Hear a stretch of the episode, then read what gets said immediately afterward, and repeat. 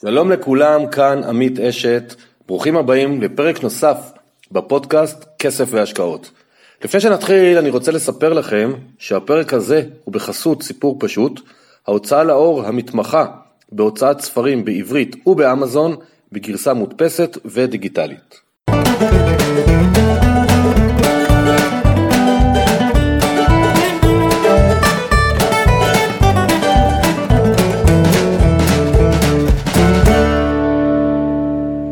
שלום לכולם, אנחנו היום אני מארח את אליה אלון. אליה היא יזמית ובעלת פלטפורמות אה, רבות בתחומים שונים, אנחנו חלק נרחיב, חלק לא נרחיב. מה שנקרא גילוי נאות, אני למדתי אצל אליה אה, מימון המון, וזה כיום התמחות שלה. אנחנו נדבר על כסף ומימון המון, ולמה לאהוב כסף. אז אליה, תודה רבה שהסכמת אה, להקדיש מזמנך. זכות גדולה. לשוחח איתך, ובטח לשוחח על מימון המון, שזה אחת האהבות הכי גדולות שלי. אז אני רוצה להתחיל עם משהו שאפילו אני לא יודע עלייך. האם פעם היית שכירה? הייתי שלושה חודשים שכירה. אה, אתם לא יודעים, אבל אליה ואני עברנו את גיל ה-45, אז... אה, אני בת 52. לא, לא, לא, לא נעים, אישה, לא, לא אומרים גיל, אבל אותי הם כבר יודעים מפרקים קודמים שאני בן 57, אז כשאומרים לי שלושה חודשים בגיל 52, אז ברור שהיא לא הייתה שכירה אף פעם. אז השאלה שלי... אני פשוט הייתי שכירה ב...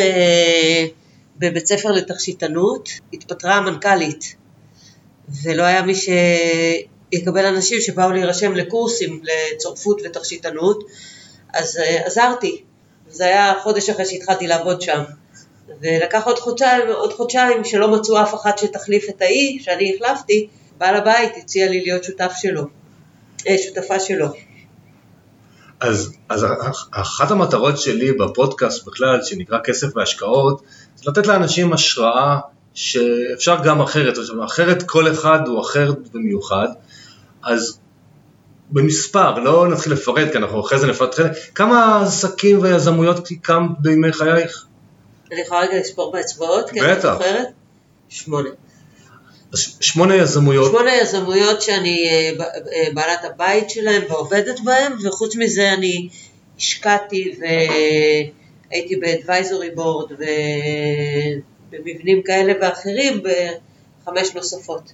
עכשיו, בתוך השמונה אני יודע שחלקם אין לי שום קשר ביניהם, זה לא שעכשיו מישהו למד עיצוב אופנה וכל הדברים שהוא יעשה בימי חייו קשורים לאופנה, סתם כדוגמה. היית גם עסקת בעיצוב, מה שאני יודע, של ממש של הופעות כן. ויזמות כזאת. יש מימון המון. יש לנו... מאיפה האומץ והתעוזה לעבור מענף לענף שכאילו אין קשר ביניהם? אה, הדברים, יש פה חיוך, אה, אתם לא רואים. אחד הדברים היפים זה שמבחוץ זה נראה כמו אומץ ותעוזה, מאחורי הקלעים זה נראה כמו אה, טירוף וטיפשות לפעמים, אבל, אבל זה הקסם ביזמות. זה, זה היכולת, היכולת לפעול מתוך יכולות ולא מתוך ידע.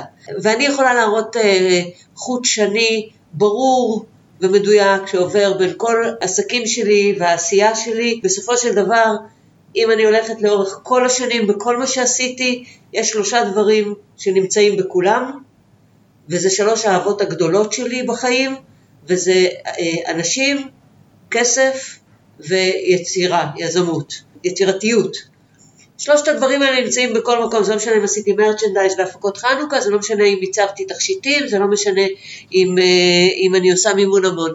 ו, ובגדול, אם מסתכלים, אני אה, כל החיים הולכת עם רגל אחת בעולם היזמות, לא משנה אם זה אומנות, יצירה, קים, יזמות, אה, רגל שנייה בעולם העסקים.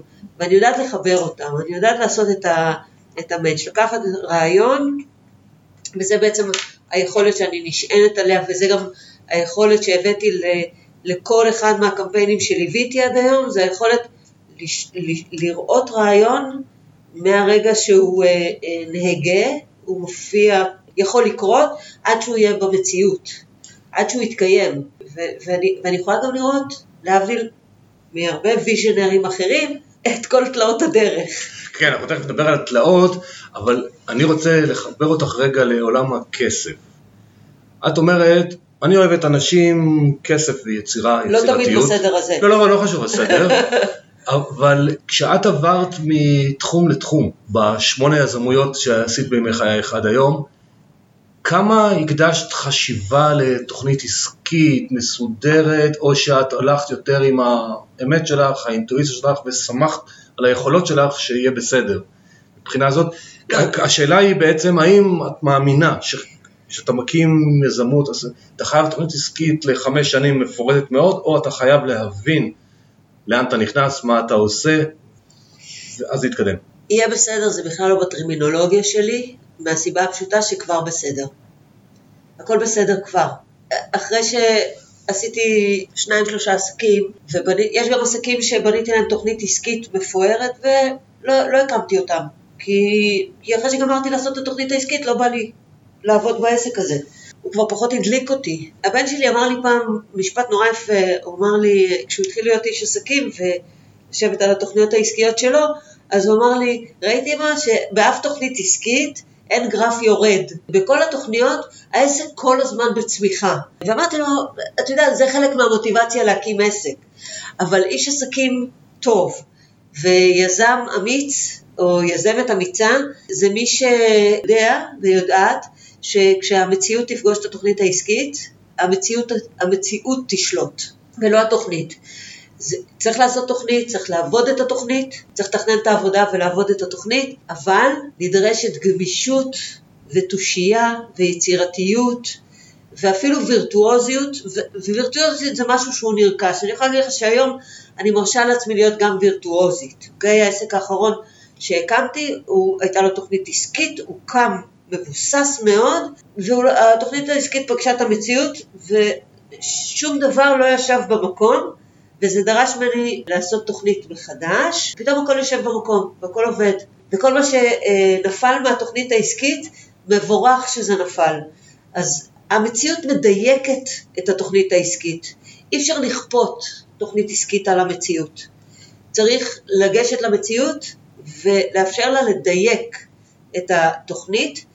אז את אומרת, אבל אני מתחילה עם תוכנית, אני מבינה מראש שתוך כדי תנועה אני גמישה לשינויים, ומפה אני רוצה לשאול אותך את דעתך מניסיונך הרב, האם כל אחד מתאים לו להיות יזם, עצמאי, או שיש אנשים שיותר טוב, יותר מתאים להם באישיות, להישאר במקום עבודה יותר רגוע, בטוח, כי הגמישות והווירטואוזיות האלה, מי כמונו יודע שזה הרבה פעמים הרים וגבעות. אז האם את חושבת שכל... ותאומות ותעלות.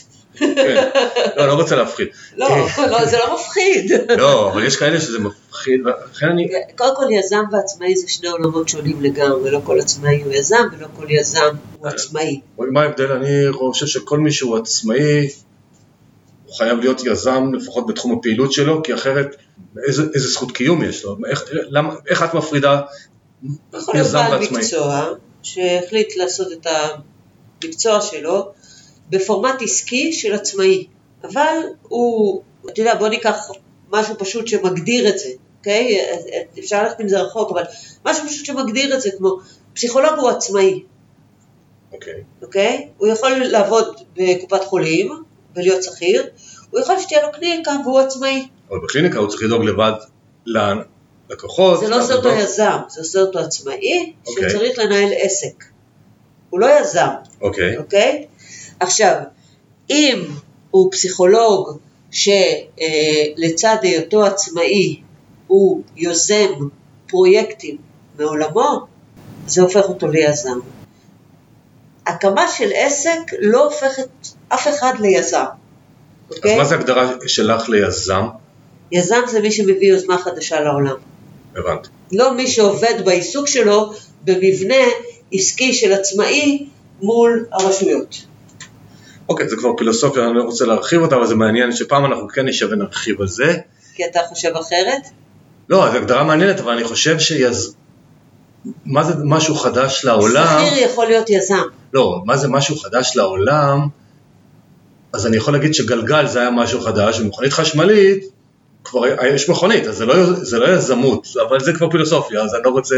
כן, אבל אז אה, מגיע אה, אגסי ועושה מכונית חשמלית, או אפילו מגיע אה, ההוא שעושה את המזרטי, או זה, זה, אפשר, זה חדש בעולם, זה, הוא לא המציא את הגלגל, אבל הוא משתמש בגלגל טוב יותר. לכן אני אומר, זה כבר פילוסופיה אוקיי. שאני... אבל, אבל לצד זה, אה, אפשר לראות גם את ההפך, ששכיר יכול להיות יזם. כן, תוך- אוקיי. במסגרת הפעילות שלו. עצמאי זה מבנה עסקי ויזם זה מבנה אוקיי, מעניין. אישיותי. זה שני דברים שונים. אז אם את אומרת מבנה אישיותי, אז אני רוצה להחזיר את השאלה לכיוון העצמאי, כי יזם לצורך העניין אז זה יותר יחידי סגולה, אני אני קורא לזה בהגדרה שלי, שאפשר לא להסכים איתה. עצמאי יש רבים שיש להם מקצוע, אמר פסיכולוג, פסיכולוג שהוא יכול לבחור לעבוד כשכיר בקופת חולים או כקליניקה. אז כעצמאי, את חושבת שיש אנשים שזה יותר מתאים להם, פחות מתאים להם? כי בקהל המאזינים שלנו פשוט יש הרבה שמתלבטים בדילמה הזאת, האם להיות פתאום עוסק עצמאי, להיות שכיר ועוסק פטור או מורשה וכולי, אז מעניין אותי לשמוע דעתך. דעתי שלוקח חמש שנים להיות עצמאי. מהניסיון שלי, וליוויתי הרבה מאוד אנשים על קו התפר הזה, עברו מהיותם שכירים לעצמאים, או לחליפין, אה, התחילו לשלב בין עצמאות להיותם שכירים, מתוך מגמה להגיע בסופו של דבר לעצמאות מלאה. זה תהליך שהוא בין שלוש לחמש שנים, שאנשים אה, יכולים לשבת בתוך החוויה הזאת של להיות עצמאי, ולהיות נינוחים. אם הם לא נינוחים, הם יחזרו להיות שכירים. אוקיי? הם יסגרו את העסק ויחזרו. וכשאני אומרת נינוחים בתוך העולם של היותם עצמאים, זה שהם יכולים לקחת חופשה שנתית ולדעת שלא יקרה כלום. כי אתה יודע, שכירים יש להם חופשה שנתית, לפעמים אפילו מקום העבודה כופה עליהם את החופשה השנתית. הרבה מאוד שכירים יוצאים לחופשה שנתית ונהיים חולים, כי זה הזמן היחיד שמותר להם. אז, אוקיי? אבל עצמאי, לוקח לו זמן להגיד, אוקיי, אני לא אענה ללקוחות שבועיים, והרבה עצמאים זה עסקים קטנים, זה עסקים זעירים, זה, זה עסקים של בן אדם או שניים, זה, אני לא אענה עכשיו לאנשים שבועיים או שבוע, אז זה לוקח זמן, ו, אבל חופש והעצמאות שחווים בנקודת זמן הזאת היא בלתי הפיכה. אני לא מכירה אף אחד שחזר להיות שכיר אחרי נקודת החופש הזאת. אחרי השלוש עד חמש שנים האלה.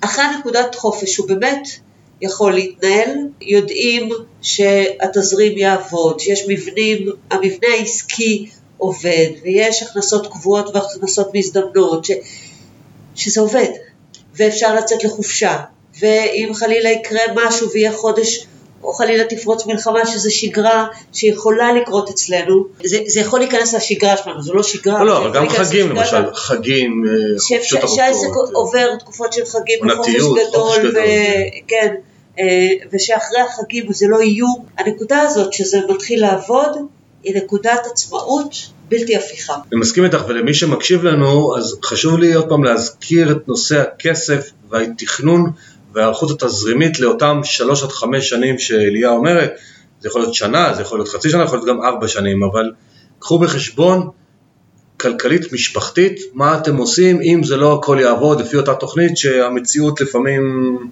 יותר חזקה.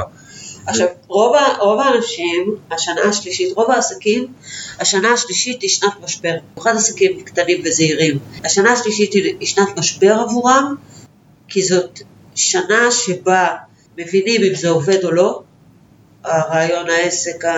כי אפשר להתנהל על המוטיבציה לצאת לעצמאות וזה, היא נותנת הרבה מאוד אנרגיה. ואפשר להתנהל גם עם תזרים שלילי תקופה מסוימת, או אפילו עם הפסדים תקופה מסוימת, שיש הבדל בין תזרים שלילי להפסדים. בשנה השלישית כבר מבינים אם העסק עובד או לא, וזו נקודה אה, קריטית, גם כי אם העסק עובד, הוא רוצה לצמוח, וזה כבר אה, אה, מבנה צמיחה שמצריך השקעות נוספות, צריך קצת לעבור בשנה השלישית את מה שעוברים בתחילת הדרך, שוב להצטמצם, להתרכז בצמיחה ובפיתוח, וזו נקודה קריטית. כן, כי פתאום לגייס עובדים, ואז צריך אה, לשלם משכורות, או למצוא את קבלני משנה, או קבלני משנה. כן. אה, אנחנו בהוצאה לאור עובדים המון עם קבלני משנה מכל העולם, גם מה שלא צריך עברית. יש לנו אנשים בחו"ל, הם יעילים, זולים, אבל לפתח את כל הגישה הזאת, אני בהחלט מסכים איתך. ורגע לפני שאנחנו עוברים למימון המון שאת כל כך אוהבת, אבל אני רוצה עוד רגע אחד להתעכב. אני אוהבת כסף, יצירה ואנשים. לא, יש את מימון זה המון, גם במימון לא, המון. מימון המון, תכף נגיע אליו, אבל אני רוצה רגע להגיע לשם דרך אחרת. נושא של נשים וכסף. אני, אה, כמו שאמרתי לך, אני, חשוב לי מאוד בפודקאסט, שאני מראיין אנשים, לנסות שזה יהיה חצי חצי. כי העולם בסוף זה 50-50 אחוז אה, שני המינים, אני לא עומד בזה, אני בערך בשליש אני אעזור נשים. לך, אני אמרתי לא, לך. אתה אמרת שתעזרי לי, כן, אבל במציאות העסקית כיום יש רוב גברי במקבלי ההחלטות, ואני מסתכל על זה גם, אני עושה ייעוצים פיננסיים, ייעוצים עסקיים גם למשפחות, ואני רואה שהרבה נשים שמות את עצמן בצד. השאלה אלייך, מה אנחנו צריכים לעשות, כולנו, לשנות את זה, חצי חצי בכל דבר, בתחומי האחריות, בהבנה, בכמות היזמיות או עצמאיות. זו, זו שאלה שהיא, אה, זו שאלה מצוינת, היא מעסיקה אותי לא מעט. לצערי, כל מה שאני רואה עד היום שנעשה, ואני, יכול להיות שאני עכשיו יורה לעצמי ברגל, אבל אני אגיד את זה בקול רם, מצוננת, לא שומעים. לא, אני אלרגית. אה, אליי? לא, העונה הזאת. העונה הזאת, הכל פורח עליי. אני חושבת שעוד לא נמצאה הדרך, ואני מחפשת אותה, ואני מחפשת אותה, ואני מחפשת אותה עם חברות מאוד טובות שלי, להשמיע קול נשי בוגר בתחום הפיננסי, ולא קול שהוא בכייני, או קול שהוא גברי. אה, כי נשים שמשמיעות קול גברי לא עושות שום שירות טוב לעולם הזה, והבכיינות לא עושה טוב לאף אחד. ואני יכולה אבל להגיד לך שאני שמחה שיש יותר ויותר גברים שפועלים באיכויות נשיות בעולם הפיננסי, ואני עובדת עם אנשים כאלה, ואני שמחה לעבוד. אה, זה, המשא ומתן הוא שונה, הגישה העסקית היא שונה, יש הרבה מאוד דברים, התהליכים הם הרבה יותר, זה לא מאבקי כוח, אלא זה תקשורת של משא ומתן ורכות, וזה עובד, ויותר ויותר נשים מצטרפות לזה. ואני חושבת שהמצב הוא ככה לא כי יש איזושהי בעיה, אלא כי יש בחירות לגיטימיות שנשים עשו במהלך החיים שלהן בקריירה, ויש שלב שאנחנו יוצאות לחיים חדשים. אני באמת, במקרה הזה אני פריבילגית כי לא הייתה לי ברירה. אוקיי? לא הייתה לי ברירה, התגרשתי בגיל צעיר, הייתי צריכה לפרנס.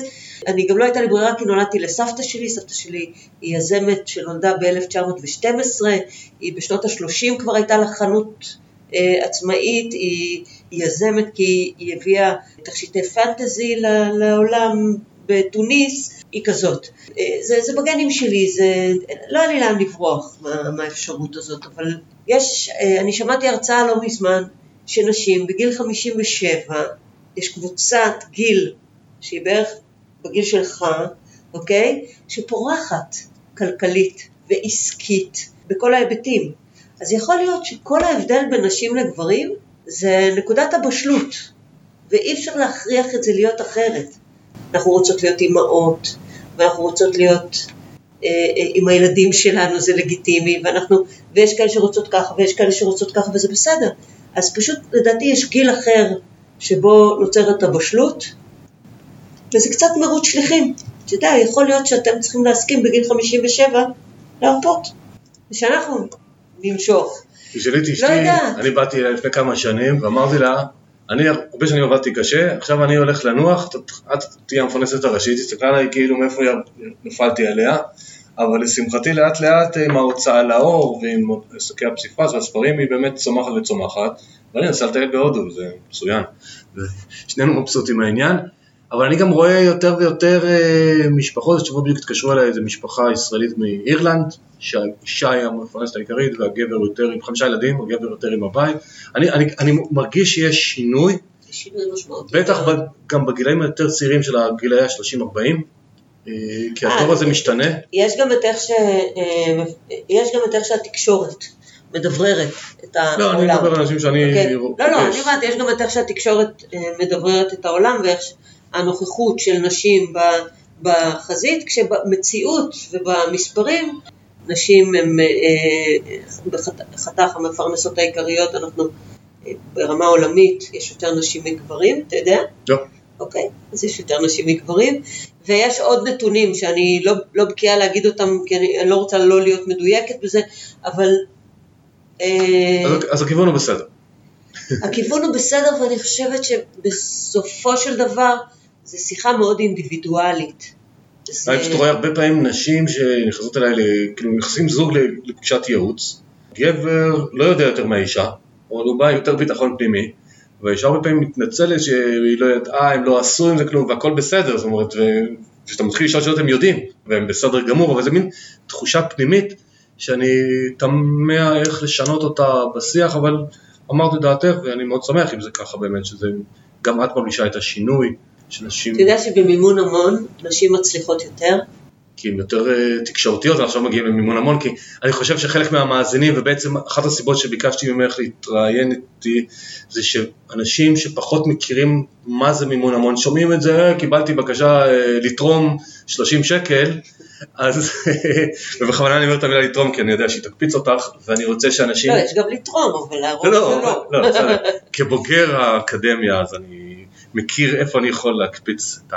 אז בואי תספרי לנו רגע למאזינים שלא יודעים, מה זה מימון המון ולמה זה פלטפורמה מעולה שמתקשרת לעולם הכסף, שבעצם הפודקאסט הוא כסף והשקעות, ודיברנו על הרבה דברים, אבל עכשיו אני רוצה שתתני את האני מאמין שלך, אני אחרי זה אשאל שאלות מכוונות, אבל מימון המון, אני פוגש אותך מישהו ברחוב ואומר, שמעתי שאת בעלת פלטפורמה ג'אמפ סטארטר של מימון המון.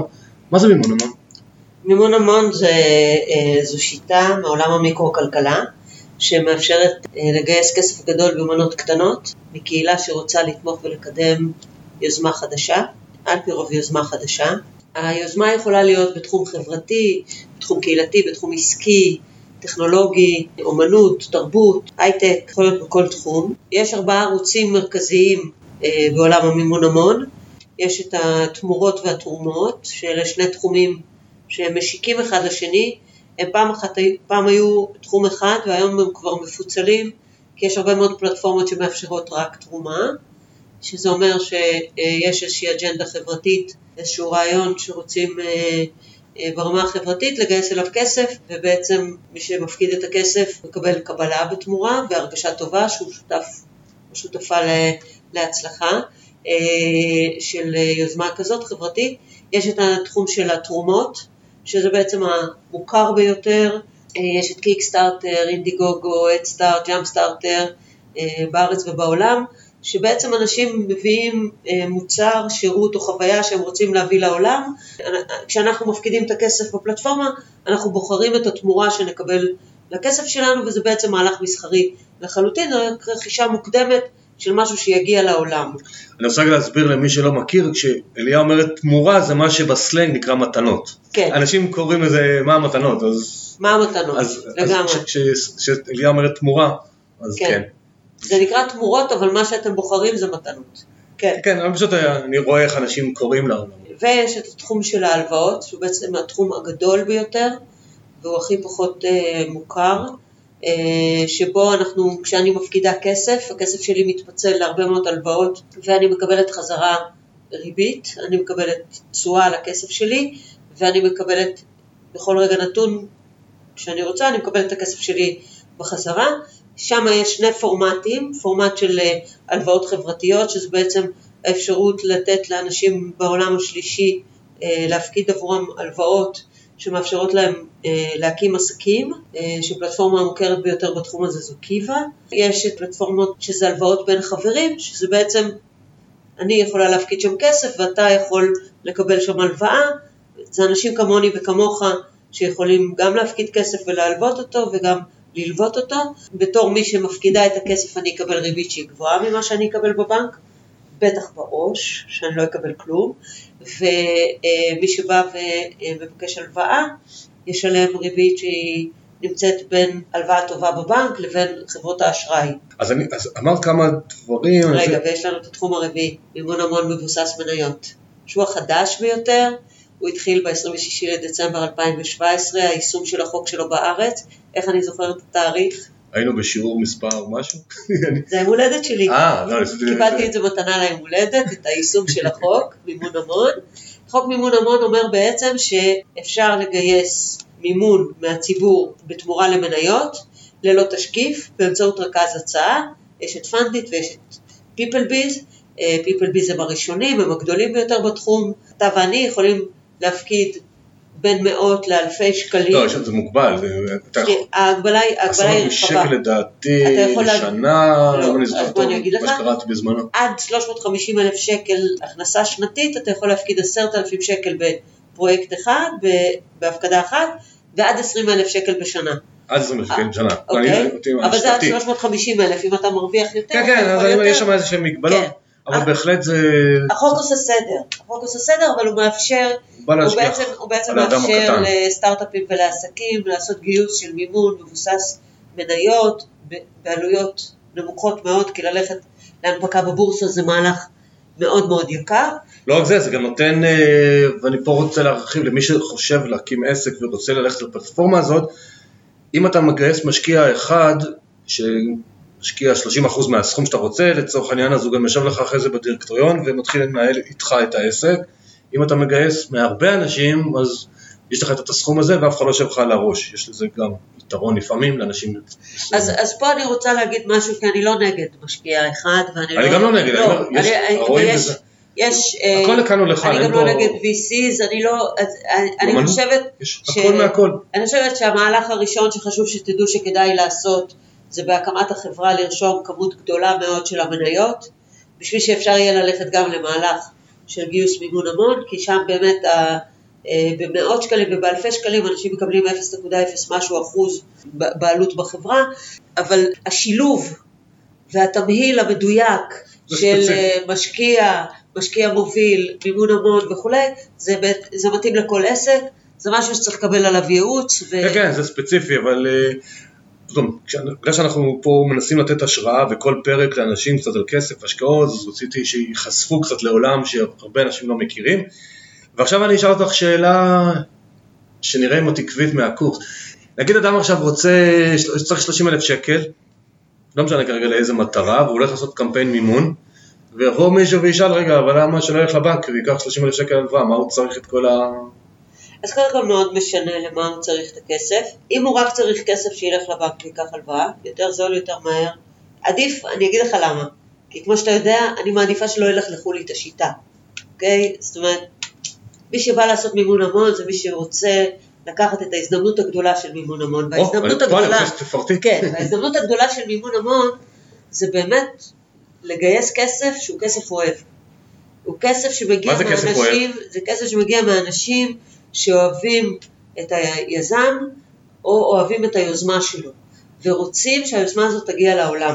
ההזדמנות הגדולה של מימון המון זה שזה הרבה מעבר לכסף כי נוצרת קהילה סביב, נוצרת, נוצרת קהילה סביב, ה, אה, סביב הפרויקט, יש מהלך שיווק ויראלי, אנשים עוזרים ליוצר להצליח בקמפיין, זה מנוף שיווקי ארוך טווח, כי אם אתה חושב על זה שבעצם כבר יש מכירות לפני ההוצאה לאור. של המוצר, כבר יש לקוחות, כבר יש לקוחות שהם לקוחות אה, בטא של המוצר. כשהם מקבלים את המוצר הם משתפים את העולם שהמוצר הגיע ואיזה כיף, הם עושים מהלך שיווקי נוסף. אני יכולה להגיד לך שפגשתי, במהלך השנים פגשתי יזם, סטאר, סטארט-אפיסט, שעשה שני אקזיטים בחיים שלו, עסק השלישי שלו, הוא הלך לקמפיין גיוס מימון המון באינדיגוגו, ואני פגשתי אותו אחרי הגיוס, פגשתי אותו באיזה כנס, ישבנו ביחד בפאנל, ואמרתי, שאלתי אותו איך היה לו. אז אמרתי, תקשיבי, זה היה פחד שאני לא, לא ידעתי, אני חשבתי שאני הבן אדם הכי משוגע בעולם, שאני הולך לגייס במימון המון. הוא גייס לצמיד אה, עם דאטה רפואי, עם קוד פתוח, שאנשים אה, יסתובבו איתו. ו... ואמרתי לו, אבל, אבל הצלחת, הוא רצה לגייס 100 אלף דולר, הוא גייס 300 אלף דולר, אתה גייסת פי שלוש, מה זה, מה? תראי, במהלך השנים, כשאני רציתי לגייס כסף, הייתי נכנס לחדר עם משקיעים, מספר להם, הם מדברים, אני והם יודעים אם הם השקיעו או לא. פה כל העולם יודע. נו, אבל אם אני הייתי יודע שזאת תהיה ההצלחה, הייתי עושה את זה בשני העסקים הקודמים שלי. למה? כי ההוכחה החברתית שההמון נתן למוצר שלו, כמות המפתחים של הקוד הפתוח שהצטרפו לקמפיין הזה, ההצלחה שהיא פי שלוש, הפכה את העולם שלו. התחילו לדפוק משקיעים בדלת ולבקש להשקיע. הוא אמר, ומשנים שבהם אני הייתי נוסע בכל העולם ועושה פרזנטציות ושומע לא, לא, לא, הפכתי להיות זה שאומר, לא, לא, לא. אני זה שאומר מי המשקיע שמתאים לי, באיזה תנאים מתאים לי שהוא ישקיע, וזה עולם מתוקן מבחינתי. זה עולם מתוקן שבו... הכלכלה החברתית משתנה. זה עולם מתוקן שבו היזם, וזה לא משנה לי אם הוא סטארט-אפיסט, הייטקיסט, סופר, אה, אה, איש אופנה, זה לא משנה. בעל עסק, זה בכלל לא משנה. הם בעלי הבית. אנחנו בעלי הבית. ומי שרוצה להצטרף אלינו, מצטרף אלינו בתנאים שלנו. ובאיזה תחומים, אה, פחות בשנה, שנתיים, שלוש האחרונות, באיזה תחומים בארץ לפחות מובילים בנושאי הגיוס? בגיוס אה, מימון המון מבוסס מניות, הקנאביס חוגג. אנחנו נתפסים אה, כמעצמת קנאביס בעולם, לא מעצמת קנאביס, כמעצמת חקלאות. מי שמאזין, אני לא יודע מתי תאזינו, אנחנו מקליטים את הפרק הזה במאי 2019, אז זה נכון למאי 2019. נכון. לא, אני אומר, אולי בעוד שנתיים פתאום לא נהיה מעצמה, אבל מישהו יגיע לקטע לא, לא, מעצמה אנחנו נהיה תמיד. נוצרנו להיות מעצמה. אנחנו. start-up nation, ואנחנו זה, עכשיו אנחנו מעצמת חקלאות וכל עולם הקנאביס, כל עולם הקנאביס פורח. אה, בתחום תחום נוסף, ש, תחום נוסף שהוא אה, אה, פורח ומשגשג בתחום הזה של גיוס מימון המון מבוסס מניות, זה כל העולם של הממשקים של האי-קומרס, שמשפרים ומחזקים ופרסונליזציה וזה בעולם האי-קומרס. בגדול כדאי לעקוב אחרי הפלטפורמות האלה שמאפשרות השקעות המונים, כי באמת גם מי שרוצה לעשות שיחות אה, טובות על השקעה עם בני נוער שגדלים אצלו בבית, השכלה פיננסית לילדים ונוער, זה, זה כלי נהדר. בעולם של מימון המון מבוסס אה, תמורות כבר מזמן, בהתחלה זה היה ספרים ומוזיקה, אה, זה עדיין ספרים ומוזיקה, אבל כבר יש הרבה מאוד יוזמות שהן יוזמות עסקיות, שאנשים מקימים את העסק, שלהם יש את אה, מותג השוקולד פנדה ויש את אה, מותג הנעליים בוטה, זאת אומרת עסקים קמים דרך אה, מימון המון, או לדוגמה אנה, תיק אופנה של אנה שרצו להתרחב ובמקום למכור זכיינויות הקימו פלטפורמה בינלאומית למותג. אני חושבת שהיום זה כבר כלי שיווקי חשוב בכל עסק וההמלצה שלי, אני אומרת אותה גם מתוך שינה, זה שבכל תוכנית עסקית של כל עסק צריך להיות קמפיין גיוס מימון המון לפרויקט יזום פעם בשנה. אז עכשיו שומע אותנו, שומעים אותנו אלפי מאזינים אני מקווה, והם שואלים את עצמם, וואו, נשמע מגניב, זה, אז אני רוצה מחר בבוקר. כמה זה קל? כמה זה מהיר?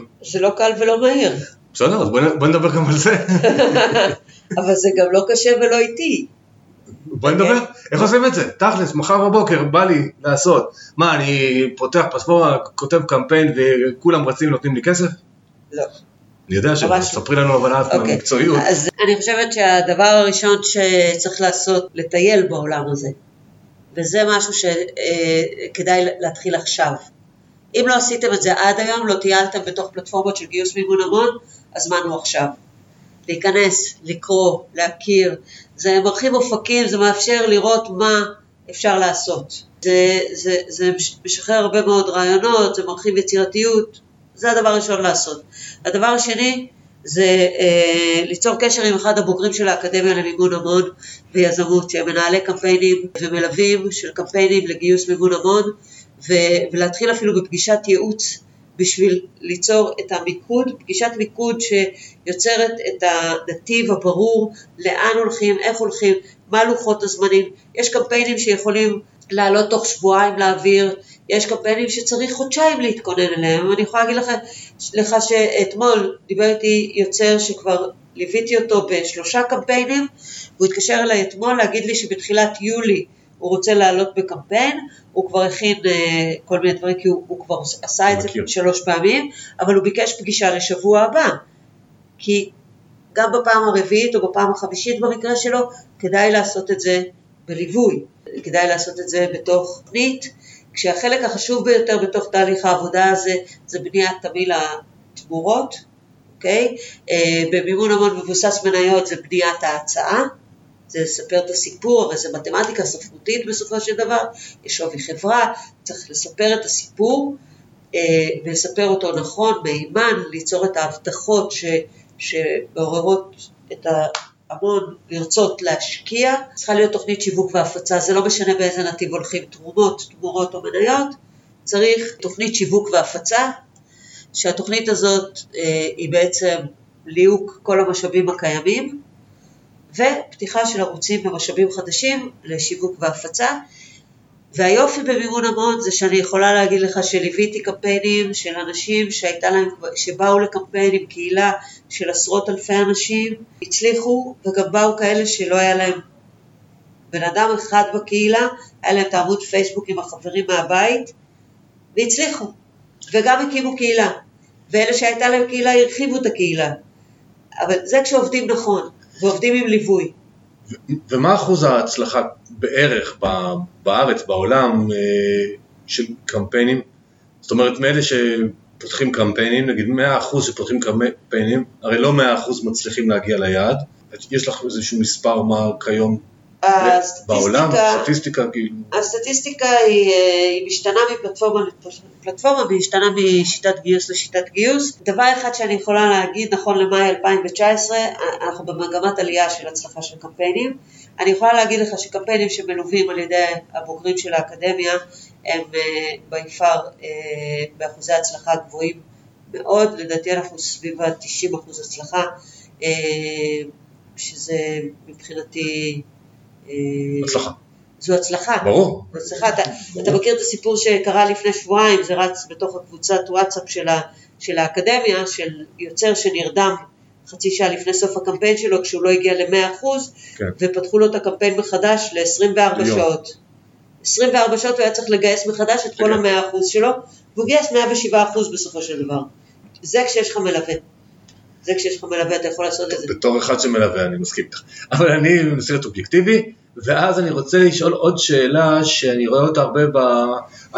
אני נמצא הרבה בקבוצות למשל של סופרים, בגלל ההוצאה לאור שלנו, ועולות כל שבוע, פעמיים אותה שאלה בערך, והשאלה היא, מה ההבדל בין גיוס של הכל או כלום לבין גיוס גמיש? את למיטב ידיעתי הפלטפורמה היחידה בארץ שמאפשרת או-או, אה, אבל אולי אני לא מכיר עד הסוף את שאר הפלטפורמות, יש אה, הפלטפורמות אחרות שמסכימות רק אה, הכל או כלום. בואי נסביר קצת למי שלא מכיר את הניואנסים, מה ההבדל ביניהם. זה לא אני הפלטפורמה, Jumpstarter היא הפלטפורמה. Jumpstarter, בסדר. כן, לא, כי אמרת שאני פלטפורמה. לא, לא, סליחה, לא את הקמת אותה, אני המייסדת של Jumpstarter, כן, זה כן. נכון. Jumpstarter זו פלטפורמה, יש אג'נדה מאוד ברורה סביב הרעיון, סטארטר, סביב הרעיון של, אה, של, של הכל או כלום או מסלול גמיש.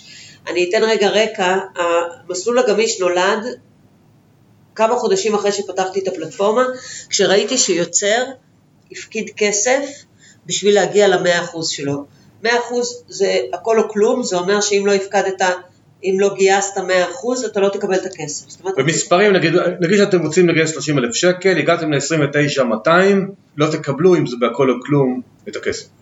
לא תקבלו את הכסף, לא יחייבו את, את המקדמים, ואתם לא, והיוצר, היזם שעשה את הקמפיין, לא יהיה חייב לתת את המתנות זה כאילו לא קרה כלום, חוץ מזה אוקיי? שעוגמת נפש לעלות. אז, אז זה חודשיים עבודה שירדו לטמיון, אוקיי? עכשיו, זה יוצר סיטואציה שהרבה מאוד קמפיינים, בהרבה מאוד קמפיינים היוצרים משלימים את הכסף על מנת להגיע ל-100%, באחוזים מאוד גבוהים. אני, אני לא נכנסת לזה, אבל אני חושבת שיש בזה טעם לפגם. כי כל הרעיון של מימון המון זה שזה יהיה כסף חדש. זה לא צריך להיות הכסף של היוצר, היוצר צריך לתת את הכסף בשביל שזה ימשיך ויצליח, הוא צריך להשקיע. אבל בוא נלך רגע לעולם שלך, של הספרים. היוצר כבר כתב שלוש שנים את הספר, הוא כבר השקיע זמן, השקיע משאבים, תשומת לב, כסף, הוא רוצה להוציא את הספר לאור. הוא כבר השקיע 90 אחוז ממה שהיה צריך להשקיע בשביל שהיצירה הזאת תצא, נשארת 10 אחוז, הוא עושה את זה בכוח ההמון. עכשיו, אחד הדברים, ש, ש, כשאני ראיתי כסף של יוצר בתוך קמפיין שלו, שהוא השלים 4,000 שקלים בשביל לקבל את הכסף, אני קראתי לצוות שלי, של הפיתוח, ואמרתי, אנחנו נעשה מסלול שהם לא, יכולים לא 100%. כי מה קורה? הוא נותן 4,000 שקל לפלטפורמה, הוא משלם לפלטפורמה עמלה על הכסף הזה, אין סיבה. אבל מסלול גמיש, כמו שיש באינדיגוגו לדוגמה, זה נקרא money on the go. זאת אומרת, כל כסף שנכנס, מתפצל לעמלת אתר והולך ישירות ליוצר. זה יכול ליצור הסתבכות מסחרית. כי אם בן אדם רצה לגייס 30 אלף שקל והוא גייס רק 10,000 והוא לא יכול להביא לעולם את, ה, את התמורות שהוא הבטיח לאנשים, יש פה הסתבכות מסחרית. ואני לא, כמו שאמרתי קודם, לא מוכנה שילך לחוט השיטה. לא יכולה להיות הסתבכות מסחרית. אז מה שיצרנו זה מסלול גמיש, פתוח. זאת אומרת שאם יוצר עד 72 שעות לפני סיום הקמפיין לא הגיע ל-100% מתקציב היעד, הוא רשאי להגיד לנו שהוא לא מעוניין לקבל את הכסף. ואז הוא משוחרר, כמו במסלול הכל כלום. זאת אומרת, כן. אנחנו לא מחייבים, הוא לא חייב את התמורות, לא קרה כלום. במסלול הגמיש, להפתעתי, אחרי שפתחנו אותו, גילינו משהו אחר, נפלא, שעצם העובדה שאנשים הולכים במסלול גמיש, ואין עליהם את החרב הזו של הכל או כלום, הם מצליחים יותר. הם מגיעים ל-300 אחוז, ו-400 אחוז, ו-1240 אחוז. הם מצליחים הרבה יותר, כי הם לא צריכים להתחנן לכסף. הם לא בלחץ שכל מה שהם השקיעו לא, לא יקרה כי הם לא הגיעו ל-100 אחוז, ובצד השני של המקדמים. תחשוב על מקדם שנכנס לקמפיין, שהוא יודע שהיוצר יקבל את הכסף בכל מקרה, אז יש לו מוטיבציה להוציא את הכרטיס אשראי. אבל אם הוא נכנס לקמפיין של הכל או כלום, והוא רואה שהוא הגיע לאחוז מסוים שלהערכתו הוא כבר לא יצליח, הוא הולך. הוא לא מפקיד את המאה שקלים שלו, ואז זה באמת לא יצליח. אז אין התחננות לכסף, המקדמים פועלים בצורה נדיבה יותר, והיוצרים יש להם מוטיבציה למשוך ולמתוח את היעדים שלהם ולהצליח הרבה מעבר. כי הם יכולים לעבוד בתוך תוכנית שיווק והפצה ערכית, ולהזמין אנשים להצטרף לדבר הנפלא הזה שהם מביאים לעולם.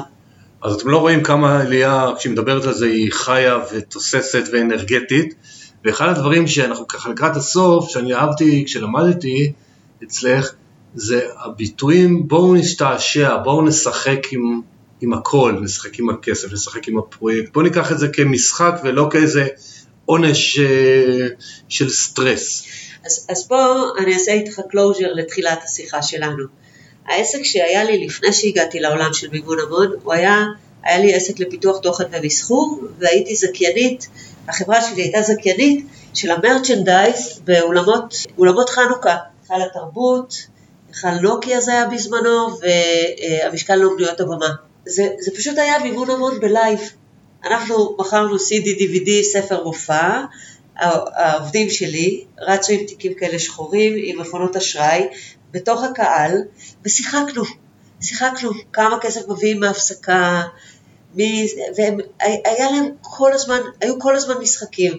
מי ניצח בהפסקה הזאת ומכר הכי הרבה, מי מכר יומית הכי הרבה, מי הקבוצה שמכרה הכי הרבה, כי נגיד בהיכל לוקיה זה לפי שערים, אז הם היו מחולקים לקבוצות. בקיצור, זה היה מימון המון live. זה קצת כמו לראות את האנשים שנכנסים ומפקידים ב...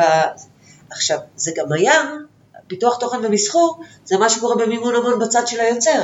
הוא בא, עם, אה, הוא בא עם פרויקט, ועכשיו צריך לעשות פיתוח של התוכן והמסחור שלו, לראות מה יש בסביבה שלו ובסביבה של היצירה, שיכול להיות אטרקטיבי לקהל, שהקהל ירצה לתת על זה כסף, שאפשר יהיה למכור, שיהיה אה, כדאי. אז בעצם לקחתי את העולם של המרצ'נדייז, כן, של הפיתוח תוכן ומסחור ומכירה באולמות, לקחתי אותו לתוך האינטרנט, וזה מה שאנחנו עושים בתוך, ה, בתוך העולם הזה. וזה משחק, זה משחק שאפשר לשחק אותו יומית, אפשר לשחק איתו, כשבונים תוכנית גיוס עם השיווק וההפצה, אפשר להגיד, אוקיי, אנחנו משחקים שביום ה-30 יהיה לנו את תקציב היעד. עכשיו אולי יהיה לנו ביום ה-28, אולי יהיה לנו ביום ה-36, זה לא משנה, אנחנו משחקים כדי לנצח. זה מביא תוצאות בלתי רגילות. ואני לוקח את זה למקום נוסף, שבעצם באמונה שלי כל עולם הכסף, כל עולם ההשקעות, להסתכל על זה כמשחק ולא איזה פחד, ו- ואם אני לא אצליח מה יקרה, כי מכל אי הצלחה גם לומדים, ואני בטוח גם שקמפיינים שלא גייסו למדו, ובכלל התעסקות עם כסף, עצמאות, יזמות, כמו שאמר, שאחרי שלוש-חמש שנים אדם מבין מה העסק שלו עושה בעצם ומה העצמאות שלו. וזה בסדר, הכל, הכל בסדר. כן, אבל כשאתה אומר, אתה אומר, נפסיד את הכסף, אני אומרת בוא, בוא, רגע, בוא רגע נקדיש לזה דקה. אנחנו לא קמים בבוקר בשביל להפסיד כסף. ברור שלא. אנחנו אבל אם לא זה קרה, זה לא להפסיד. סוף העולם.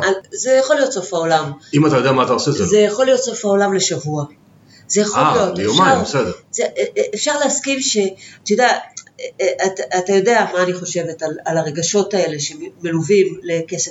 אין רגשות שליליים, יש גישה שלילית לרגשות. זה בסדר לכעוס שלא הצליח לי, ולהיות עצובה, וצריך להכניס את זה, לתוך, גם את זה להכניס לתוכנית עבודה, אוקיי? זאת אומרת, להכניס את זה לפרופורציות, כן. ולזהות לצד מה שהפסדנו, את מה שהרווחנו. זה, אתה לא, אמרת את זה, אבל... לא, לראות- התכוונתי לזה, לא שזה כיף גדול להפסיד, אבל זה גם לא סוף העולם.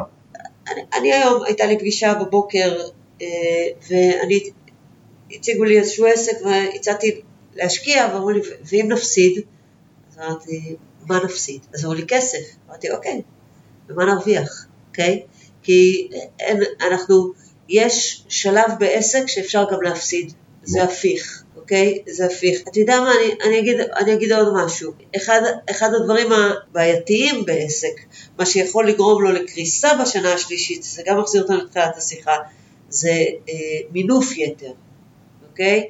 ובגלל זה כדאי לקחת אה, מהלכים של גיוס מימון המון, כי מימון המון זה כסף שהוא לא מדלל הכנסות עתידיות, במימון המון מבוסס תמורות או מתנות, הוא גם לא מדלל את הבעלות על העסק, ומימון המון מבוסס מניות הוא מדלל בחוכמה, אוקיי? זאת אומרת, הוא מדלל על ידי משקיעים שהם לא מתערבים בעשייה של היזם או של הסטארט-אפיסט או של ההייטקיסט או של ה- של העסק. בעל העסק.